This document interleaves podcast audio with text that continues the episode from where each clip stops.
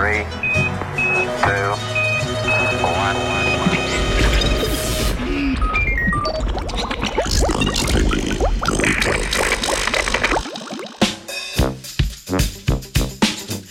ponedeljkovem znanstvenem Britofu se selimo na obalo Kalifornije. Pridružili se bomo ekipi znanstvenic in znanstvenikov, ki je raziskovala debelino hišic morskih organizmov in kako je ta povezana s problemom zakisanja morja. Svoje ugotovitve so objavili v reviji Nature Geoscience.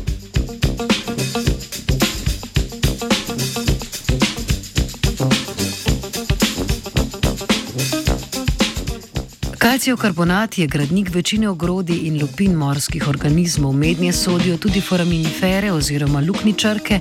Gre za planktonske organizme, ki imajo spiralno zvit raven ali okrogel skelet, pravimo mu karbonatna hišica.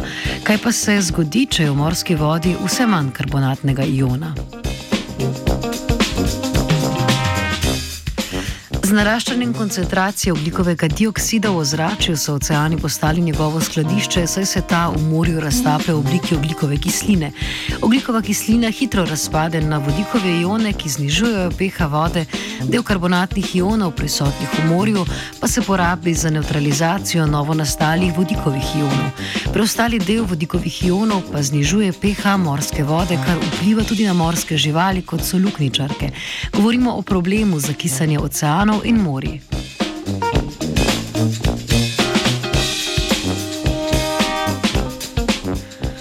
Raziskovalna ekipa je svoje delo začela s pridobivanjem vzorca v morski kotlini Santa Barbara. Z globine 580 metrov so pridobili približno pol metra visok vzorec ohranjene morske usedline, ki predstavlja več kot 100 let nalaganja odmrlih organizmov.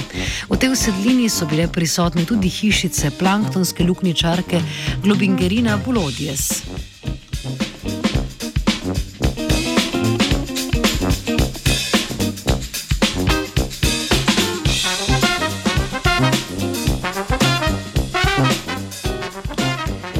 Iz posameznih plasti usedline so zbrali 58 vzorcev in v vsakem je bilo v povprečju 35 hišic.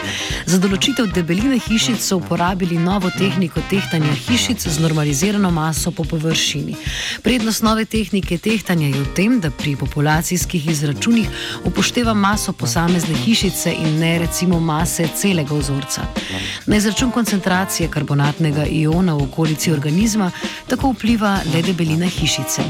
Lukničarka G. Buloides je na koncu 20. stoletja tvorila za 20 odstotkov tanjše hišice v primerjavi z začetkom stoletja.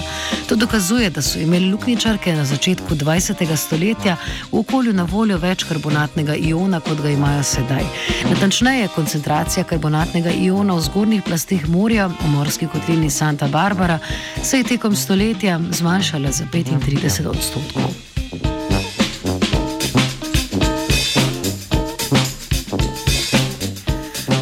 Večina oglikovega dioksida, ki se raztaplja v oceanih, je antropogenega izvora. Vemo, da so nekatera območja, ko je obala stala v Kalifornijskem zalivskem toku, hitreje zakisajo.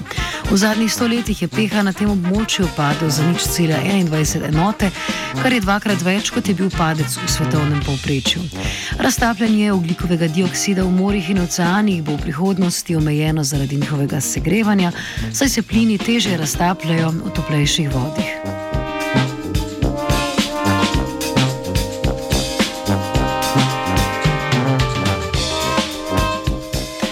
Z oceanskega dnu poroča Lara.